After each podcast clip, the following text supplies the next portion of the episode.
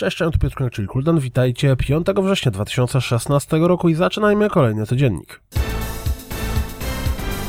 Pojawił się zwiastun The Tomorrow Children, który w krótki i zwięzły sposób pokazuje nam dokładnie na czym będzie polegać gra. Theatered, czyli na moje oko Creatures nowej ery, pokazuje fragmenty rozgrywki i założenia fabularne w nowym zwiastunie. Mimo, że do premiery jeszcze ponad tydzień, to już dziś możemy obejrzeć premierowy zwiastun Recore. Pojawiły się dwie zwiastuny związane z trybem wieloosobowym w Call of Duty Infinite Warfare. Ostatnio pisałem o tym jako o plocie, a dziś mamy potwierdzone info i zwiastun Duke Nukem 3D 20th Anniversary Edition. 11 października pojawi się na PC, PlayStation 4 Xbox One. Gra będzie rozbudowana o 8 nowych leveli oraz oryginalny zespół. For Honor atakuje nas trzema zwiastunami dopasowanymi do wojowników, których znajdziemy w grze. Ze zwiastuna Shadow Warrior 2 poznaliśmy datę premiery gry na PC. Będzie to 13 października.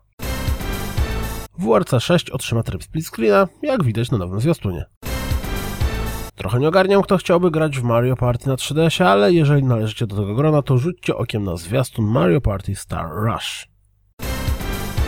Call of Duty 4 Modern Warfare Remastered dostanie również pełnoprawny tryb multiplayer. Sztos!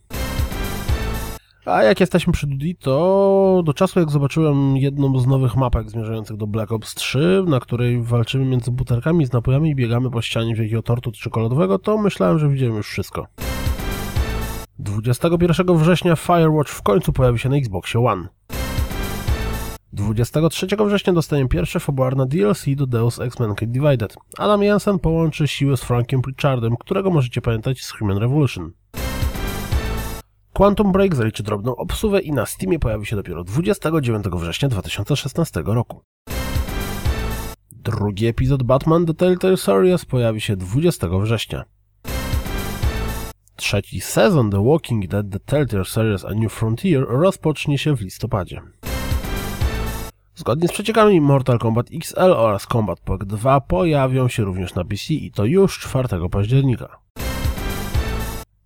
Nintendo na mocy DMC, czyli naruszenie praw autorskich, zdjęło No Mario Sky. Na co autor szybko utworzył analogiczną grę z podmienioną skórką głównego bohatera i kilkoma innymi pierdołami DMCA Sky. Kozak. Plants vs. Zombies Garden Warfare 2 dołączył do krypty EA Access i Origin Access. Path of Exile dostało nowe rozszerzenie Atlas of Worlds. IGN zaprezentował fragment rozgrywki Blackwood Crossing, konkretnie to 12 minut i gra zapowiada się bardzo interesująco. Zobaczcie sami. Jeśli zawiedliście się No Man's Sky, to może prezentujący rozgrywkę dziennik deweloperski gry Dual Universe Was zachęci. Jeśli jesteście ciekawi jak sprawdza się rozgrywka w Horizon Zero Dawn, to w wykonaniu typowego Enrique możecie zobaczyć nagranie z Nadiego ramienia z Brazil Game Show 2016.